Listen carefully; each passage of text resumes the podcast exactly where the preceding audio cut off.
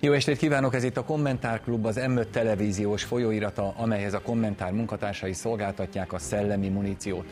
Mai adásunkban szó lesz a 21. század válságáról, valamint magyar szemmel vizsgáljuk a világrendszerváltás eseményeit. Tartsanak velünk!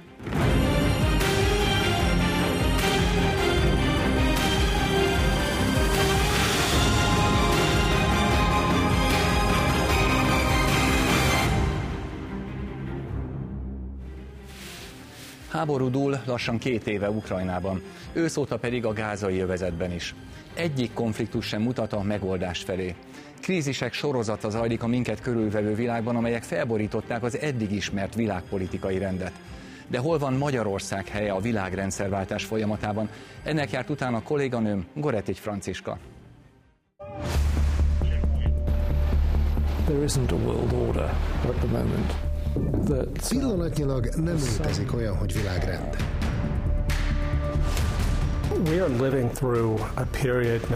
A világpolitikai szintéren most zűrzavaros időket élünk. A többpólusúság nem olyasmi, ami elválasztja a nyugatot a világ többi részétől, hanem olyasmi, ami a nyugaton belül történik. In the West. A hatalmi átrendeződések mellett az USA belpolitikájában is változás történhet, mivel november 5-én elnökválasztás lesz az országban. Az amerikai jobboldal pedig egyre jobban figyel Magyarországra.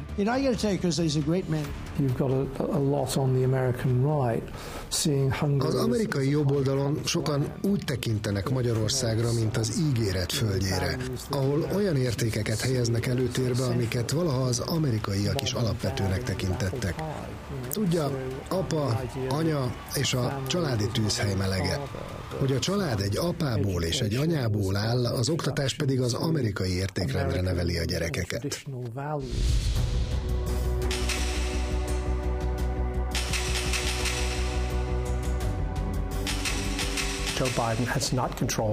Joe Biden nem védte meg a déli határt. Tudja, hogy csak tavaly decemberben annyi ember, annyi illegális migráns lépte át az amerikai-mexikói határt, mint Győr és Szeged lakossága együttvéve. Azt gondolom, hogy a magyar kormány álláspontja nem csak a kultúra, hanem a migráció és a nemzeti identitás kérdésében, a nemzeti büszkeség elgondolásában sok mindenkire inspirálóan hat az amerikai jobboldaliak körében, sőt ugyanez elmondható Ausztráliáról és Nagy-Britanniáról is. Like any other member state, a migráció és a hagyományos értékek megvédésének a kérdése azonban az Európai Unióban is számos konfliktus forrása. Bár Magyarország lett a brüsszeli elit fekete báránya, Európában sok helyen erősödnek a konzervatív hangok.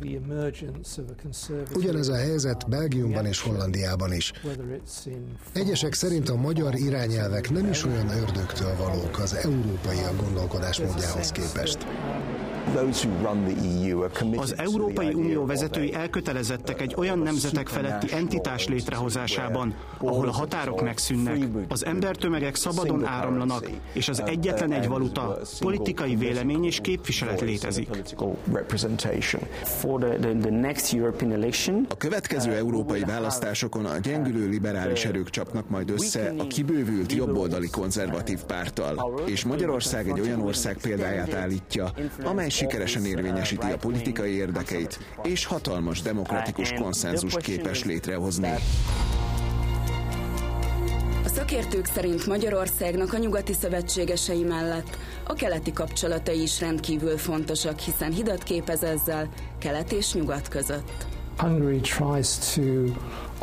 Magyarország próbál kelet és nyugat választóvonala lenni, összekötő szerepet kíván betölteni, és azt hiszem arra törekszik, hogy falat képezzen a kialakulóban lévő, egymással vetélkedő blokkok között. Szeretne híd lenni kelet és nyugat között. A hidakkal csak az a baj, hogy gyakran átgyalogolnak rajtuk.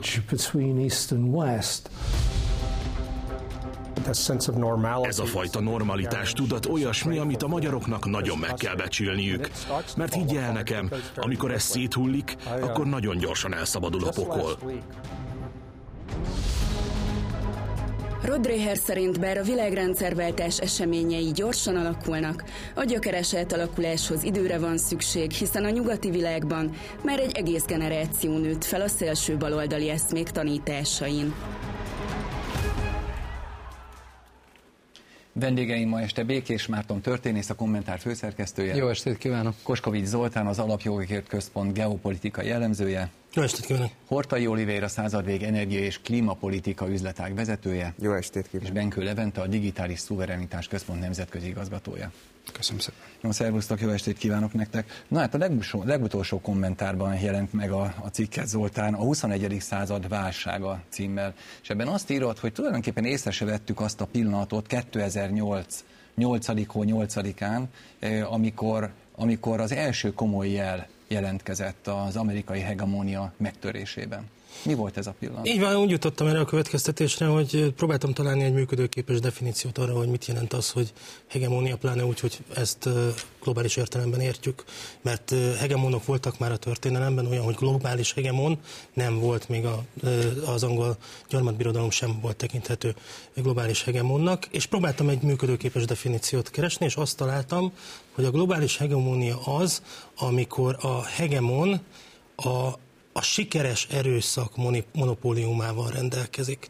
Mi azt jelenti, hogy nem muszáj, hogy az adott esetben az Egyesült Államokról beszélünk mondjuk ki, hogy az összes beavatkozása sikeres legyen, de ahhoz, hogy hegemonnak tekintse magát, azt el kell érnie, hogy senki más ne tudjon úgy beavatkozni, rákényszeríteni erőszakkal egy másik szereplőre az akaratát, hogy az USA ezt expliciten nem hagyja jóvá.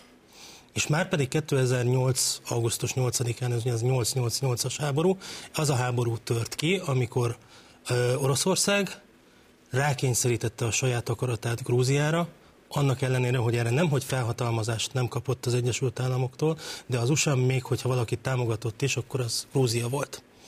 És ennek megfelelően én egy olyan törést vettem észre, ahonnan már szerintem egyrészt megtűnt, megtört a tényleges hegemónia, amit nyugaton szinte senki nem vett észre ezen a ponton a nagy felháborodásban.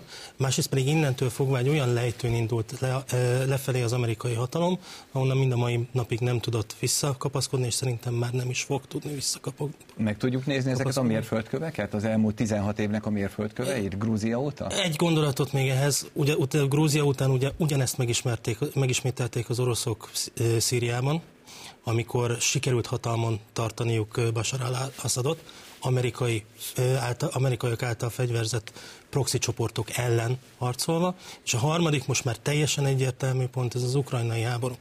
Hogyha itt is az oroszok akarata érvényesül a végén, akkor itt most már semmifajta vita nem lehet azzal kapcsolatban, hogy az USA bármilyen módon is hegemonként lehetne kezelni. Jó, nézzük meg a többi részét még. Hát nehéz vitatkozni az Oltánnal, én nem, nem is fogom most ezt megpróbálni. 2008-ban két másik fontos dolog történt, azért volt globális pénzügyi válság, ami szintén az Egyesült Államok hitelpiacairól, ingatlan hitelpiacairól indult ki, ez 2007-es kezdet, 2009-ig elhúzódik, a konszenzus az, hogy 2008-as pénzügyi válságnak nevezzük, és szerintem a 2000-es évek vége felé ez különösen Európában nyilatkozott meg, mint hogyha a régi nagy néppártok, kereszténydemokrata és szociáldemokrata pártok is elvesztették volna a talajt. Én a konzervatív pártot, munkáspártot Nagy-Britanniába szintén ide sorolom, Németországban ugyanennek megvannak a, a vetületei, és akkoriban valamiféle fragmentáció a nyugati demokráciákba is elkezdődött, vagyis a régi veszőparipámhoz nyúlnék vissza annyiban, hogy mind ideológiailag, mind kulturálisan, mind társadalom politikailag, és hát persze katona politikailag, gazdaság politikailag elkezdett sűrűsödni a válság, az azóta eltelt idő, tehát most már a 21. század harmadik évtizedének már mindjárt a közepe jön, 2024-et írunk ebben a, a pillanatban. Látszik, hogy az orosz-ukrán háború a, a második éve felé közelít, a, a gázai konfliktus, ami október, november, tavaly október-november óta csak nem szűnik, a világ más pontjain problémák vannak, Koszovó, Tajvan, ugye két jelentős amerikai proxy állam körül sűrűsödnek a, a fellegek, több más, talán majd ki tudunk rátérni, több más konfliktus góc kiélesedett. Valójában a régi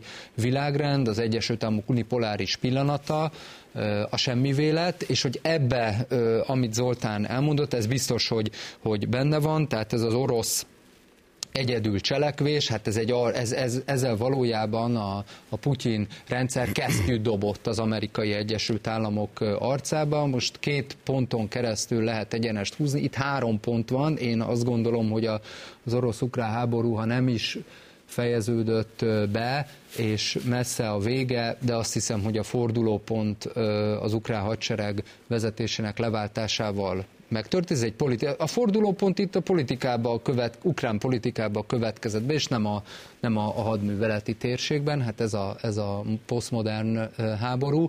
Ez azt jelenti, hogy az Egyesült Államok, amely egyébként 20 év felesleges hadakozás után kivonult Afganisztánból, a, az Assad rezsimet nem tudta megdönteni, a világ számos pontján forró a, a lába alatt a, a talaj, ez annak a, a jele, hogy az Egyesült Államok hegemoniája kezd alá hanyatlani.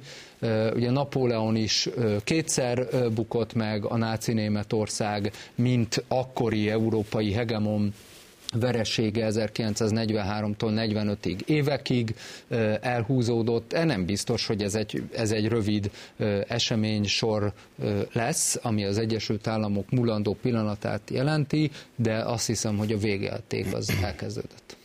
Az Egyesült Államok értékajánlata egy komplex csomag volt, ami tartalmazott gazdaságpolitikai receptet, biztonságpolitikai receptet, kultúrpolitikai receptet, és az egyes eh, dimenziók mentén szerintem más-más kezdőpontot lehet megjelölni. Hogyha a biztonságpolitikával kezdjük, akkor ott lehet, hogy érdemes még inkább visszamenni az időbe. Szerintem a 2001-es eh, terrorcselekmény eh, már egy olyan esemény volt, ami, ami rámutatott arra, hogy az a recept, amit az Egyesült Államok ígért, és, és az, hogy, hogy, hogy a, a liberális demokráciák eh, teljes körű békét fognak tudni biztosítani a nyugatnak, és ahogyan ezt kiterjesztik egyre inkább a, a, egyre több és több országnak, ez meginogni látszott. Eh, gazdaságpolitikai tekintetben szerintem a kezdőpont a 2008-as válság volt, eh, a 2008 előtt vezető közgazdászok, az amerikai egybank akkori elnöke megfogalmazták lényegében, hogy, hogy a makroökonómia, a közgazdaságtudomány elérte az eredeti céljait, és aztán 2008-ban egy olyan pofont kapott az egész tudomány terület, ami arra késztette a tudósokat, hogy újra gondolják az alapvető dogmáikat, és utána újabb és újabb mérföldköveket fel lehet sorolni. Itt az Európai Unióban az eurozóna válsága egy nagyon fontos állomás volt, ami az integráció és a, a az itteni ö, ö, Európán belüli globalizáció, talán fogalmazhatunk így, ö, árnyoldalára mutatott rá. A koronavírus járványnak is szerintem voltak olyan következményei, ö, amik, amik hozzájárultak ahhoz a ö, helyzethez, ami ö, kibontakozott, ami kialakult, de hogyha korszakhatárokat kellene megjelölni, és a cikketben foglalkozol ezzel a kérdéssel is, szerintem korszakhatár csak bizonyos nézőpontból lehet, lehet kijelölni, és, és leginkább retrospektívan. Az egyik kollégámmal, Fűrész Gáborral most nem olyan régen jelent meg a könyvünk, amiben mégis megkíséreltük, és mi a szovjet blokk bukása utáni korszakot a nagy eufória korszakának neveztük el, utalva arra, hogy itt Magyarországon, Európában azt vártuk az amerikai értékajánlattól, hogy ténylegesen egy, egy, egy, egy történelem végi állapotot eredményez majd számunkra, és mi úgy látjuk, hogy az orosz-ukrán háború tekinthető a, a a mostani élményeink alapján az igazi következő korszakhatárnak, mi a, azt a korszakot, amiben belecsöppentünk a nagy kiábrándulás káoszának nevezzük, utalva arra, részben arra a világrendben történő átalakulásra, változásra, ami jelentősen megnövelte a bizonytalanságot, ami a gazdaságpolitikában egy új történetet eredményezett, és amiről ma is beszélgetünk. Elfogadva Zoltán által említett biztonságpolitikai szempontrendszert, én azt gondolom, hogy érdemes a számokat is górcső alá venni, méghozzá világgazdasági szempontból. És e tekintetben én visszanyúlnék ahhoz a fukushimai unipoláris pillanathoz, amelyet Márton említett, hogyha megnézzük ezeket a bizonyos számokat, akkor azt látjuk, hogy 30 évvel ezelőtt, a 90-es évek elején hogyha a nyugati civilizációt világgazdasági értelemben a g azonosítjuk, akkor a e, kumulatív nemzeti össztermék, a világ kumulatív nemzeti összterméknek 70%-át adta a G7, ez most arra a 40% közelébe süllyedt, és hogyha kihívóként a BRICS csoportot azonosítjuk, akkor ugyanebben az időszakban a 7-8%-ról 30%-ra emelkedett a BRICS-nek a részesedése a világ nemzeti össztermékéből, ami még akkor is egy egyértelmű tendencia, hogyha elfogadjuk a kritikusok azon állítását, hogy a BRICS-et számos belső ellentmondás terheli. Ezeket az ellentmondásokat azonban számomra legalábbis az én értelmezésemben felülírja az, hogy egyelőre a BRICS tagok, ugye itt egy vegyes csapatról van szó, Brazília, Oroszország, India, Kína, Dél-Afrika voltak az alapítók, és számosan csatlakoztak azóta, de őket összeköti egyelőre az, hogy egyenként és közösen is minél nagyobbat tudjanak kiharapni, a relatív hanyatlásban lévő hegemonnak a befolyási övezetéből. Tehát lehet, hogy ezeknek a tagoknak a BRICS, BRICS belső, beosztott, belső megosztottsága miatt vannak egymással szemben is elszámolni valóik, így például India és Kína között egy magyarországnyi területér folyik a háború, évtizedek óta időnként kiülő háború a Himalájában. Ennek ellenére összeköti őket az, hogy az Egyesült Államok által képviselt liberális internacionalizmus, mint ideológia, hegemon ideológia összetolja őket, és egyben pedig igyekeznek a visszahúzódó hegemon befolyási vezetéből egyre nagyobb részt kiharapni. Igen, ez Zoltán is írja egyébként a cikkében, hogy a liberális világrend kifejezésnek a nagyon gyenge része az éppen a liberális. Hiszen, hiszen ezek a harcok, amiket Amerika vív, csak akkor érhet, érhetnek véget, írod, hogyha liberális demokráciává válik az az ország, ahol elindították. Hát ugye, és akkor lehet mondani az országokat, Afganisztán, Líbia, Szíria, Ukrajna. Koszovó, Ukrajna, Koszovó, Bosznia, szóval, hogy ez egy megnyerhetetlen harc, szellemi harc. Mert soha nem lesz, ezekből az országból soha nem lesz liberális demokrácia. Soha. Irakból nem lehet liberális demokráciát csinálni. De akkor itt a valóságérzékeléssel van probléma, nem? Itt, itt azzal van e, probléma, hogy ez egy posztmodern jelenség. Elhitték azt, hogyha valamit nagyon akarnak, akkor majd a valóság fog hozzáidemolni az emberi akarathoz, hogyha elég erősen és elég sokan akarják. Ez van, amikor megtörténik, de ez nem szükségszerűen történik meg. És amikor arról van szó, hogy lesz-e adott esetben Irakból egy liberális demokrácia vagy nem lesz, akkor akiknek erősen akarnia kéne, hogy liberális demokrácia legyen, azok az iraki emberek. Ha megkérdezzük az iraki embereket, akkor ők meg nem akarják, és innentől fogva teljesen mindegy, hogy Nyugat-Európában vagy Észak-Amerikában hányan szeretnék ezt teljes szívükből, nem egy megvalósítható cél. Egyáltalán nem. És az egyik fő problémája volt a, a, a liberális világrendnek, hogy ideológia vezérelt. Egy hegemónia... beszélsz. Mert szerintem véget ért a hegemónia. Nincs már liberális világrend. Én úgy gondolom, hogy amiatt nincs, mert ez a liberális elem egyrészt túl, túlzottan erős volt, másrészt az elmúlt 30 évben egy nagyon rossz irányba mozdult el. Miközben még arról beszélhetünk, hogy a 90-es évek elején bizonyosan az a liberalizmus, ami irányította a nyugati gondolkodást, az egy politikai ideológia volt, addig ma arról kell beszélnünk, hogy a woke, amivé ez a liberalizmus átváltozott, az egy vallás. Ráadásul egy olyan vallás, amit az emberiség túlnyomó többsége mélységesen elutasít. Innentől fogva vagy a világrend, vagy a liberalizmus, a kettő együtt semmiképpen, de leginkább pedig egyik sem. A brics kapcsolatban egy, egy nagyon fontos jelenség a BRICS egyébként, csak nem úgy kell szerintem értelmezni, mint az amerikai vezetésű világrend kihívóját. Nem utolsó sorban azért, mert szerintem már nincs amerikai vezetésű világrend.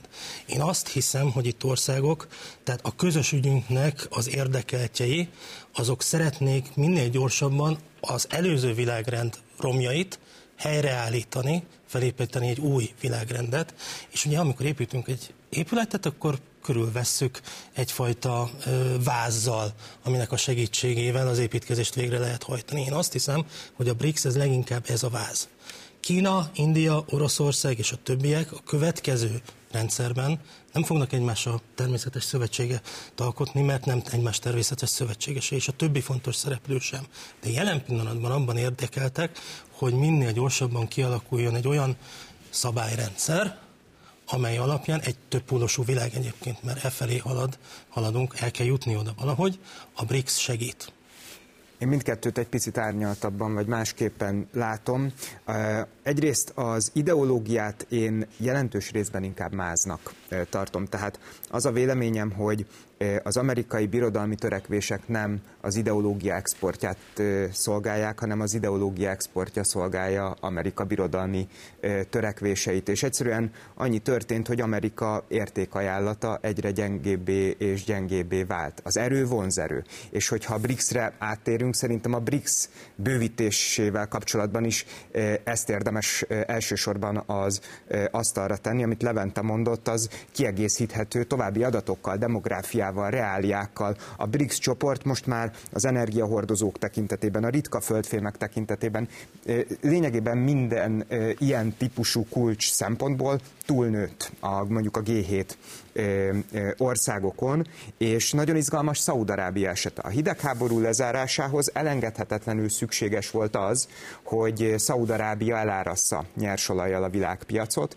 és ezzel egyszerre csökkentse Oroszország bevételeit és az USA költségeit. Ezzel markánsan hozzájárult az Egyesült Államok győzelméhez úgy, hogy egyébként a rövidtávú érdekei nem ezt ö, ö, diktálták volna, hiszen Szaudarábiának az a jó, minél drágábban képes eladni az, az olajat, nem az, hogy, hogy, hogy lenyomja az árakat, mégis beállt de facto az Egyesült Államok mellé.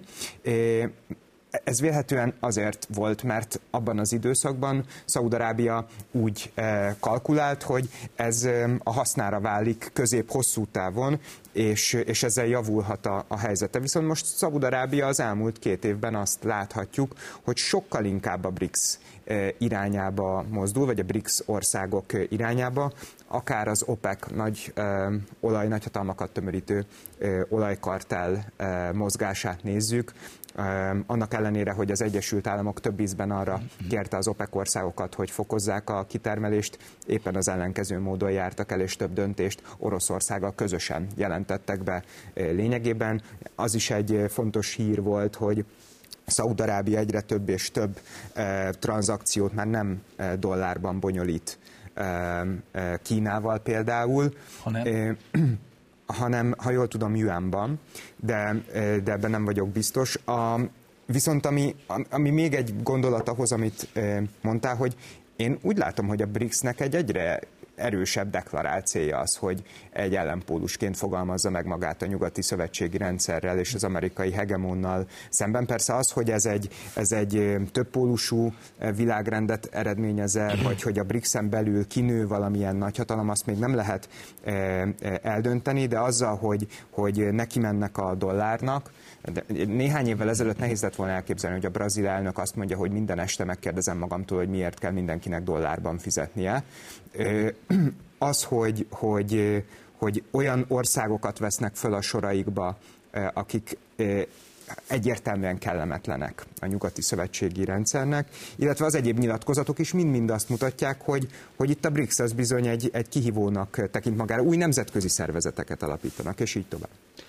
Ja, akkor sose fogjuk megérteni az új világrend, hát majd jövőbeni összetételét, ha a régi metódusok szerint gondolkodunk. Tehát a, a unipoláris pillanat, mondjuk 25 évig nyúlt ez a pillanat, azelőtt volt egy bipoláris rendszer, az mondjuk egy fél évszázadot jelentett, aztán ezek letűntek, most, most fordítva megy a, a történelem, mert az unipolárisból rögtön egy multipoláris világba ugrunk, és annak nem az a lényege, hogy az egyik pólus mert hogy van pólus, mert hogy két pólus van, vagy egy pólus van, és az egyik pólus az USA, a másik pólus pedig Kína, vagy a másik pólus maga a BRICS országok, amit hát valóban nem, nem lehet erőbe, meg, meg demográfiailag, ideológiailag se egy kalap alá venni, hanem éppen arról van szó, hogy egy multipoláris nagy terek ö, ö, alapján rendeződő világrendről érdemes beszélni, ahol egyébként számos más szereplő van. Tehát ott vannak a sánkhái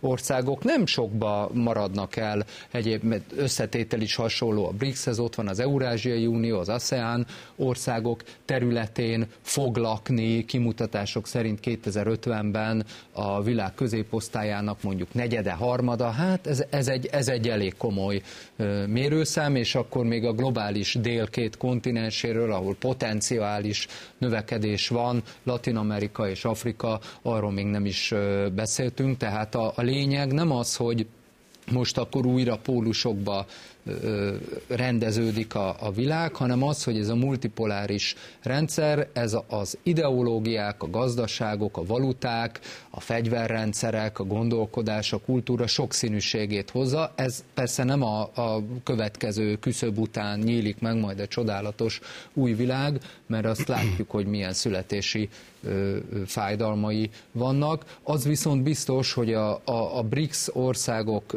megképződése, sőt kibővülése, döntése együtt jár azzal, hogy például a közel-keleten két ős ellenség országot, Iránt, meg Szaúd-Arábiát, hát persze úgy, ahogy, meg nem kevés PR lépése, de hát Kína békített ki. Hogy Afganisztánban a fő fejlesztési lehetőségek Kínából érkeznek, az, hogy ez a ritka föntfémek egy jelentős országa, hát, és sok minden más is található ott, az se a véletlen művetet. Az, hogy a, a béketeremtés vagy a konszenzus hozó képesség már nem az Egyesült Államoknál van, hanem mondjuk a világ bizonyos részein Kínában, az szerintem egy még, még a demográfiánál lehet, hogy nem fontosabb tényező, de, de fontos tényező. Hogyha a ma ismert fogalmaink szerint próbáljuk modellezni azt, hogy milyen az a világrend, amely következik, vagy amelyben már benne is vagyunk, ugye sokszor utólag derül csak ki, hogy azok a határpontok, amelyeket a történelmkönyvekben olvasunk, azok sokszor már a múltban vannak azok számára, akik ezt átélik, akkor talán leginkább a optimális esetben a 19. századi európai koncertre gondolhatunk, tehát arra az európai erőegyensúlyra, amely a Bécsi kongresszus után alakult ki az európai nagyhatalmak között, csak mindezt globális szintre mhm. kivetítve természetesen. És egy másik fontos jellemzője ennek, a, ennek az új rendnek, hogy nem csak nagyok játszanak, tehát mondjuk egy fél tucatnyi nagy, térségről beszélünk, hanem ahogy Márton és Olivér is említették, itt vannak olyan nagyon komoly középhatalmak, amelyek valamely paraméternél fogva gyakorlatilag világpolitikai szerepet játszanak. Ugye Szaudarábia neve elhangzott, nagyon látványos az a kontraszt, ami a 80-as évek végi szaudi politika és a mostani szaudi politika között húzódik gyakorlatilag a Biden adminisztráció ugyanazt kérte másfél évvel ezelőtt a szaudi uralkodó családtól, mint az elődjétől a régen adminisztráció 80-as években. Kényszerítsük együtt térdre Oroszországot, emeljétek a termelési kótáitokat, és ugye Mohamed bin Salman trónörökös, aki a de facto vezetője ennek az államnak, elég látványos gesztust, negatív gesztust gyakorolt az amerikaiak felé, amelyel igen komoly belpolitikai gondot is okoz egyébként.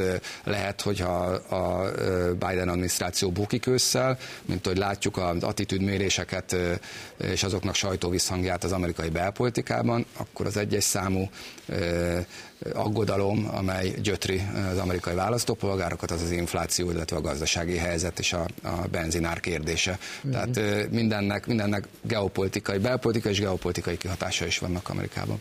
Mi lesz a liberális gőggel egyáltalán a nagy nagyhatalmi gőggel ebben az új világban. Erről mit gondoltok? Mert ugye írod a cikkedben szintén, hogy amikor Líbiában Kadhafi meghalt, akkor, akkor Hillary Clinton, aki akkor külügyminiszter volt, azt mondta, hogy jöttünk, láttunk, meghalt. Hát azért így emberről, politikusról nem szoktunk beszélni. Na, egy szörnyű pillanat van. Igen, hát ez egy döbbenetes pillanat. Szóval ezek a pillanatok, ezek megmaradnak. Idézzük fel egy kicsit először ezt a pillanatot, és hogy megmaradnak-e az új világrendben ezek a pillanatok. Amerikai tévés társaságnak adott interjú volt, ugye a líbiai válsággal kapcsolatban, és egy pár másodperces momentum, amikor fölteszik a kérdést, hogy és mi történt Muammar Kadhafival, és ezt válaszolja Hillary Clinton, és utána kacag.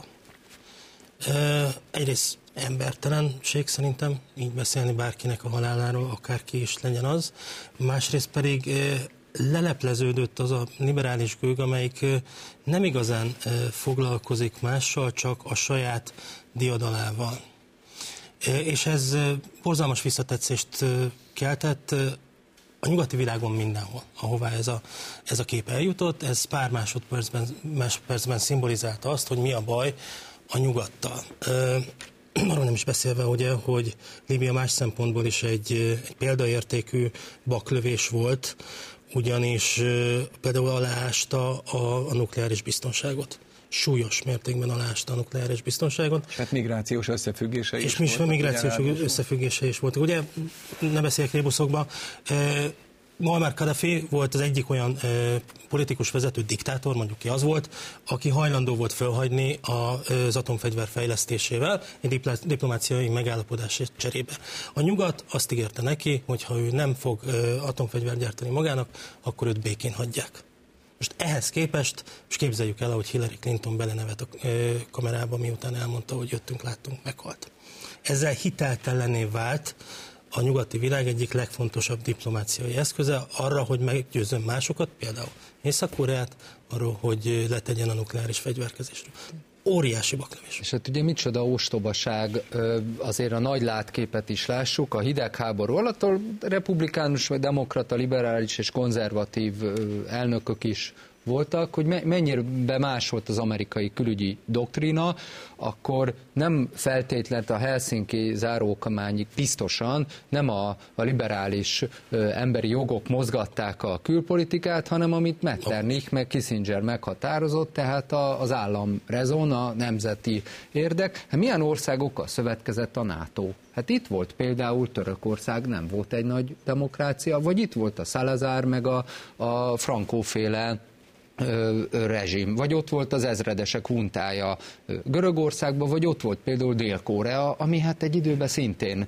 diktatúra volt, arról ne is beszéljünk, hogy Dél-Vietnámban milyen rezsim uralkodott, amit az Egyesült Államok támogatott, és más egyéb lokális zsarnokokat szintén, de ezeket a, a, az országokat nem az amerikai ö, ö, nyílegyenes fejlődés ö, oromzatáról ítélték meg, hanem azt mondták, hogy kell nekünk a, a földközi tenger ö, nyugati medencéjébe támaszpont. Igen. Milyen országok vannak? Az ibériai félszigeten? Portugália meg Spanyolország. Demokráciák ezek? Nem de mégis oda telepítjük a fegyszál, szóval, hogy, hogy a külpolitikai logika nem volt átírva se konzervatív, se liberális ideológiával, hanem államrezon, tehát a régi, régi módi nagyhatalmi érdek ehhez képe, és aztán utána jön ez a, ez a vércseszerű kacaj valóban, amit Hillary Clinton hallatott, ez a világ számos pontján a lokális zsarnokokat megijesztette, mert azt mondták, hogy ha Kadafi, aki egyébként jó útra tért, ezt az, mondjuk ebbe volt a francia meg az olasz tőkének némi szerepe, de jó útra tért. Ha ő vele így el lehetett bánni, meg egyébként a szintén már némileg megszelidült Saddam hussein ki lehetett rángatni egy, egy, a búvóhelyéről és felakasztani, akkor ránk milyen sors vár. Ugye ez, ez ment végig ezeknek a harmadik világbeli országok vezetőinek a felébe, a népükről meg nem is beszélve, mert hát mégis idézőjelbe teszem, keresztesek öltek muszlimokat, szóval ez, egy, ez egy elég ö, ö, ö, forró téma. Ehhez képest mit csinál? Kína kereskedik, szemet húny, hát ráteszi a kezét, vagy fejleszt bizonyos országokban, megítélés kérdése, de mondjuk Tanzániának működő tőkére van szüksége Ha az IMF-től szerzi be Tanzánia működő tőkét, akkor ott liberális demokráciát kell csinálni, amit se a politikai élet, se a nép nem nagyon akar. Hova fordulunk? Kínai Fejlesztési Bankhoz, mert ott nem kérnek számon ideológiai meg nem biztos, hogy Tanzániának jó lenne az, hogyha liberális demokrácia lenne. Az senkinek nem jó, de ez egy más kérdés. Egy, egy gondolat merült föl bennem, hogy gondoljunk bele egy pillanatra abba, hogy milyen volt Líbia mielőtt megtörtént az amerikai és európai, mert alapvetően európai vezetésű volt ez így a van, beavatkozás. Az amerikaiak támogattak bennünket, mielőtt megtörtént a nyugati e, beavatkozás, és milyen most. Nem volt aranyélete a libiaiaknak Kadhafi alatt sem, ez nyilvánvaló, de most ott rabszolgaság van, ott feudalizmus van, ott fegyveres bank, bandák üldözik egymást, és továbbra sincs semmilyen fajta állam, amelyik akármilyen szinten is rendet tudna ö, tenni. Ja, Hillary Clintonra visszatérve egy mondat erejéig, tehát őt nem kellett messzire küldeni eh, liberális gőgért, már a 2016-os választási kampányban is nemes egyszerűséggel nyomorultnak nevezte a republikánus szavazókat, amely elhíresült mondata valószínűleg jelentős részben hozzájárult az ő vereségéhez és Trump győzelméhez. No, de a geopolitikai szempontokra visszatérve, ezt a fajta liberális gőgöt az amerikai külpolitika azóta is viszi tovább, és annak ellenére a fókuszában van, hogy ezzel sok, nagyon sokszor lövi lábon a saját reálpolitikai érdekeit.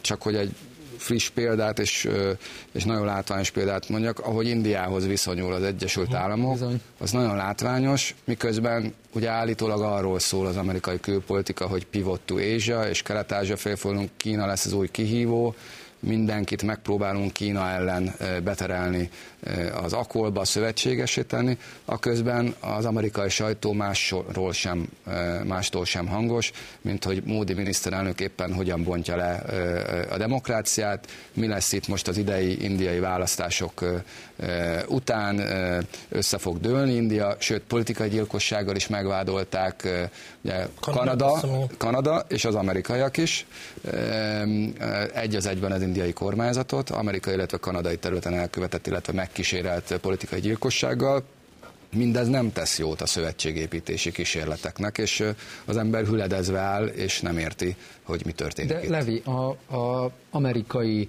ö, nagykövet bemegy a Magyar Országházba, és mint egy gaulejter 1944. március 19-e után szétnéz, hogy a Magyar Népszuverenitás házában a többségi kormányfrakció hogy fog dönteni, majd utána nyilatkozatokat tesz, miután a magyar ellenzéki média egy részét lefizette, megfizette 115 millió forinttal. Tehát azért a, és, és ugye a magyar, magyar, hát hogy is mondjam, kormányzatnak a, a finom és mérsékelt hozzáállása, beleértve a kül- és külgazdasági miniszter megnyilatkozását is, az meg NATO tagok vagyunk, és szövetségi rendszerben ezeket a nagyon barátságtalan dolgokat is finoman veszük, de India, amelyik egy 6000 éves kultúra, számos angol száz megaláztatás és rettenetes országkirablás után van, éppen felemelkedőben van. A világ legnépesebb, a világ legnépesebb országáról beszélünk, aminek a szövetségi rendszere Dél-Ázsia és Dél-Kelet-Ázsia egészére kiterjed, India már nem, már, már nem is jön szóba verseny, senki versenytársaként, hiszen India, India. Tehát o, a, India nem viszonyul, Indiához viszonyulnak. Igen, és viszonylag egészséges a demográfiája egyébként, ami Kínára egyáltalán nem, nem mutató. Igen. És és ez, ezzel az országgal, amely egyébként ö, a évezredes kultúráját őrizve több száz éven keresztül ö, viselt el ré, rettenetes megaláztatást, miért, miért gondolja azt a nyugat, hogy a nyugat nevében sajnos ö, fellépő Egyesült Államok, vagy akár Nagy-Britannia, mint egykori gyarmattartó, hogy ezeket ö, megteheti. Tehát az erőegyensúly átalakult, csak az Egyesült Államok nem vett róla tudomást. Két, két gyors gondolatot engedj meg, Oliver. Az egyik az, hogy Trump tudomást vett róla, és Trump észrevette. Trump négy éve pontosan arról szólt, hogy Amerikában van legalább egy politikus, és az őt támogató választói réteg, de egy elit réteg is, mert ne gondoljuk azt, hogy még akár Donald Trump is képes lett volna elnök lenni, anélkül, hogy az elitbe lett volna valamilyen támogatottsága, amelyik képes felismerni azt, hogy most már az USA-nak idomolnia kell a valósághoz. Az egyik, a másik pedig Indiával kapcsolatban, hogy igen, Amerika, de Európa is az elmúlt másfél évben ötször kellett magasrangú indiai diplomatáknak elmagyarázni Pep Barelnek, meg a többi európai bürokratának, meg diplomatának, hogy nem a ti dolgotok eldönteni, hogy India mit fog csinálni, elsősorban ugye az ukrajnai háború kapcsán. Oliver. Szerintem ez a gőg, ez az a kiegészítve okoz igazán nagy problémát, hogy a nyugati országok jelentős részé, része nagyon súlyos elit problémával küzd, és gyakran egyfajta inkompetenciával párosul ez a gőg. És Clinton egy jó példa erre, bár ez az ízléstelen is volt, de hát itt az elmúlt időszakból számos más példát lehetne hozni. Tehát az, amit a német külügyminiszter asszony csinált több ízben, az, amit Robert Habeck az orosz-ukrán háború kirobbanása után a közel-keleten csinált, amikor kör, körutat tervezett, vagy, vagy kör, körútra indult és megpróbált cseppfolyósított gázt beszerezni, de azért minden országban elmondta a különböző kulturális, vallási aggájait, a, meg, meg emberjogi aggájait az ottani országokban. Ez mind-mind azt mutatta, hogy itt nagyon-nagyon súlyos problémák vannak. A bejátszóban szerepelt, hogy, hogy sokak szemében Magyarország fekete bárány. Mi a századvéggel csinálunk európai szintű közvéleménykutatási adatokat. Magyarország egyáltalán nem fekete bárány, nem az utolsó galfalu. Az európaiak többsége a kulcs problémákban, a kulcskérdésekben egyetért a magyar állásponttal. Migráció kérdésében, szankciók kérdésében, kérdésében háború, fegyverszállítás, Kína, Kínával kapcsolatos kereskedelmi konfliktus tekintetében. Tehát itt az Európai Unióban a, a, az európai elit egy nagyon jelentős része, az teljesen eltávolodott a többségi e, társadalomtól, és szerintem ez az Egyesült Államokban is igaz, és, és részben ennek köszönheti egyébként Trump a felemelkedését, és azt, hogy ezzel az anti-establishment politikával képes volt nyerni 2016-ban, és most is szerintem ennek köszönheti azt, hogy, hogy jól áll. Na hát hazaérkeztünk tulajdonképpen, úgyhogy nézzük meg itt a folytatásban a világrendszerváltás magyar eseményeit magyar szemmel. Ugye írod a legutolsó kommentárban, a világrendszerváltás magyar szemmel címmel írtál éppen egy cikket Levente, és azt írod, hogy Európa vezéráldozat. Hmm. ebben a, ebben a világrendszerváltásban, elvágva az orosz gáztól, elvágva a természetes kapcsolataitól, Magyarországgal mi lesz, ha Európa vezéráldozat lesz? Ez jó kérdés, és szerintem a magyar külpolitika és tulajdonképpen a magyar gazdaságpolitikának a központi kérdése, hogy ezt a kihívást hogyan kezeljük.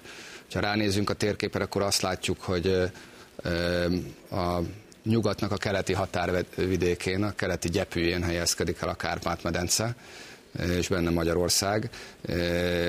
Hogyha nem próbálunk meg rugalmasan reagálni a világpolitikai eseményekre, akkor legjobb esetben is egy elfeledett periféria maradunk.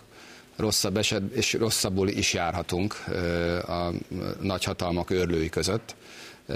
Magyarország számára szerintem az egyetlen kiút, és ezt próbáltam meg a, a, az írásban is plastikussá tenni, hogyha kulturális nyitottságunkkal, tehát valódi kulturális nyitottságunkkal a már említett nagy térségek felé próbáljuk bevonzani a világ új erőközpontjaiból azt a tőkét, azt az új technológiát, amire a 21. századi világgazdaság, amely a 21. századi világgazdaság motorjaként fog funkcionálni. Tehát egyszerre legyünk a nyugat része, ugyanakkor hajtsa a magyar gazdaság motorját az a keleti tőke, amely az új technológiák révén meghonosodhat Magyarországon. És ez a fajta, ehhez nyitottság kell, ez a blokkosodás elkerülése kell.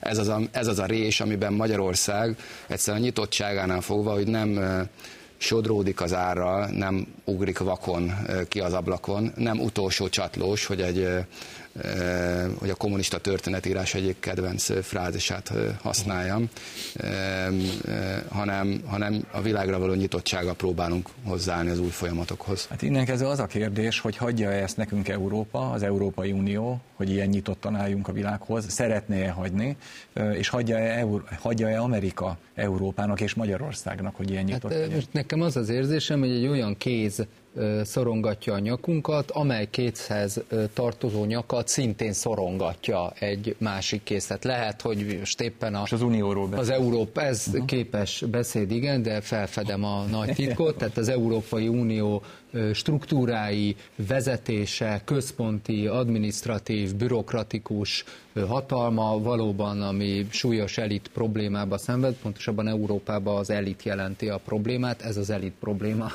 lényege szerintem, az valóban szorongat Minket egyébként minden nemzetállamot szorongat, de ebből jól láthatóan már körülbelül 5-10 éve Magyarország szenvedi el a legnagyobb büntetéseket, de ezt, a, ezt a, az Európai Uniót pedig az Egyesült Államok jelenlegi demokrata, progresszív liberális adminisztrációja kötötte meg, és hát mintha visszafele folyna a történelem, először az angol szászok gyarmatosították Észak-Amerikát, most meg visszajönnek a az észak-amerikaiak és az egész Európai Unió, mint egy 50 valahanyadik államaként viselkedik a, a amerikai Egyesült Államoknak, hogy ebben a Trump megválasztása lehet-e változás, sokan reménykednek ebben, nem tartom hiú reménynek ezt, de hát ez azt árulja el, hogy az, hogy Európán belül érdemleges szerkezeti változás lehet úgy önmagától, ezt talán már senki nem gondolja komolyan, mert arra néz Európa is,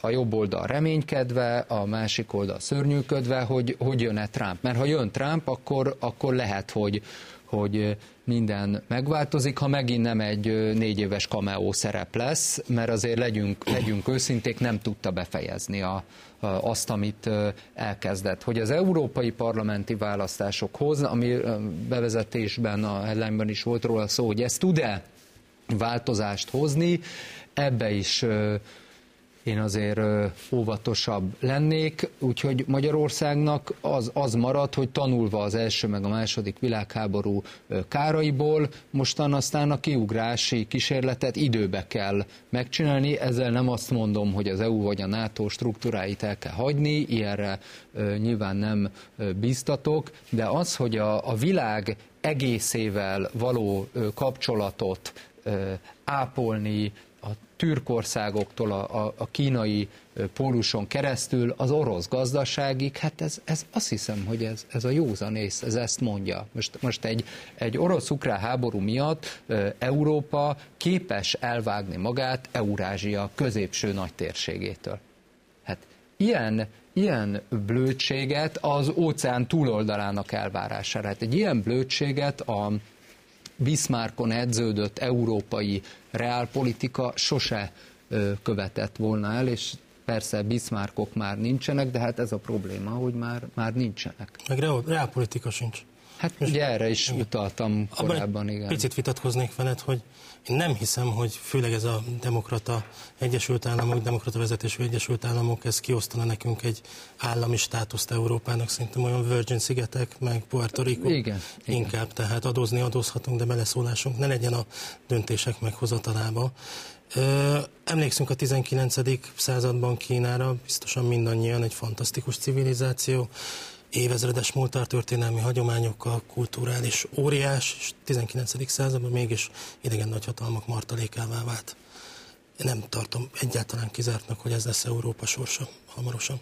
És hogyha ez lesz Európa sorsa, akkor nagyon kell vigyáznunk arra, hogy mi egy olyan helyzetbe találjuk magunkat, hogy ki tudjunk alakítani olyan viszonyt ezekkel a nagyhatalmakkal, Nyilván. hogy tudjunk közöttük egyensúlyozni. És erre egyébként megvan a lehetőség, mert most érdekes módon a földrajzunk az nem annyira szerencsétlen, mint, így mint van, sokszor így, volt a történelem így van, így van, így van, így van. Hát egyrészt a helyzetünk szerintem nehéz, mert a magyar gazdaság, ami egy kis nyitott gazdaság szervesen kapcsolódik az Európai Unióba, és ezért azok a problémák, amelyek abból fakadnak, hogy Európa a helyzet vezéráldozata, azok Magyarországra is begyűrűznek, ezeket kezelni kell. Szerintem alapvetően két feladat van.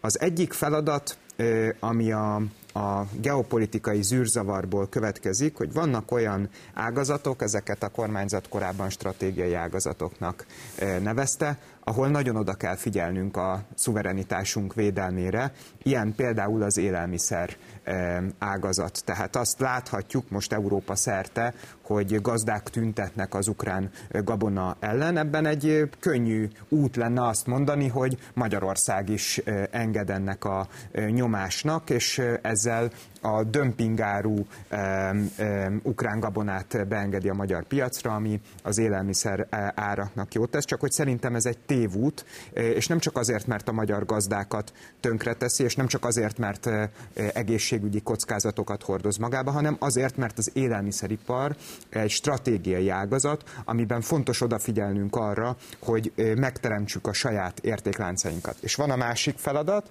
az, amire Levente is utalt, hogy előállt egy olyan geopolitikai helyzet, amelyben Magyarország lényegében az utolsó olyan nyugati országok egyike, ami még elfogadható kapcsolatot ápol a kelettel. Na már most vannak olyan területek, amelyekben a, a kereskedelem, a jövőben elkerülhetetlen. Ilyen, ilyenek a zöld technológiák. A zöld energia termelésében és tárolásában Kína helyzete megkerülhetetlen, szinte valamennyi technológia esetében az értékláncok valamennyi szintjén 60-70% fölötti a piaci részesedése. A nyugat egy nagyon gyors és drasztikus átalakítást tervez a saját energiarendszerében, közlekedésében és így tovább, amihez kínai eszközökre lesz szüksége. Kínának pedig szüksége lesz a nyugati piacra, ahhoz, hogy képes legyen eladni a termékeiket a termékeit, úgyhogy, úgyhogy a, a, a, az üzletre mindenképpen sor kerül, ahogyan azt látjuk a szankciók megkerülésében is, hogyha mind a két oldalon van valamire igény, akkor ott megköttetik az üzlet, és azt is látjuk, hogy aki ezt lehetővé teszi, az, az, az komoly sikereket érhet el. Magyarországnak ez. Végszóra van lehetőséged, Levente, ebben a ebben a menetben a Magyarország lehetőségeit tekintve kitartani a végsőkig a én azt, azt gondolom, hogy mint oly sokszor a magyar történelem folyamán, ez esetben is egy kényszerpályáról beszélünk, ez esetben viszont a kényszerpálya egyben egy győztes stratégiának a megvalósítási útja is lehet. Én szerintem az a premissza, amire ez a magyar politika épül, az tulajdonképpen az, hogy nem, tehát elkerülhető az a fajta ö, ö, szinte háborús mértékű szétesése a világrendnek, amely lehetetlenné tenni ennek a magyar stratégiának a megvalósulását. Tehát elkerülhető az a forgatókönyv, hogy olyan mértékben bolykottáljuk például Kínát, vagy, vagy akár Oroszországot, vagy bármely más hatalmat, nem nyugati hatalmat, hogy az lehetetlenné tenni gyakorlatilag ennek a új magyar, új technológiákra épülő magyar politikának a megvalósítását. Köszönöm szépen nektek a beszélgetést. Kedves nézőink, ez volt már a Kommentárklub. Mai adásunk újra nézhető a mediaclick.hu oldalon és a YouTube-on, valamint meghallgatható a Spotify-on is. Köszönöm figyelmüket, Isten áldja Önöket!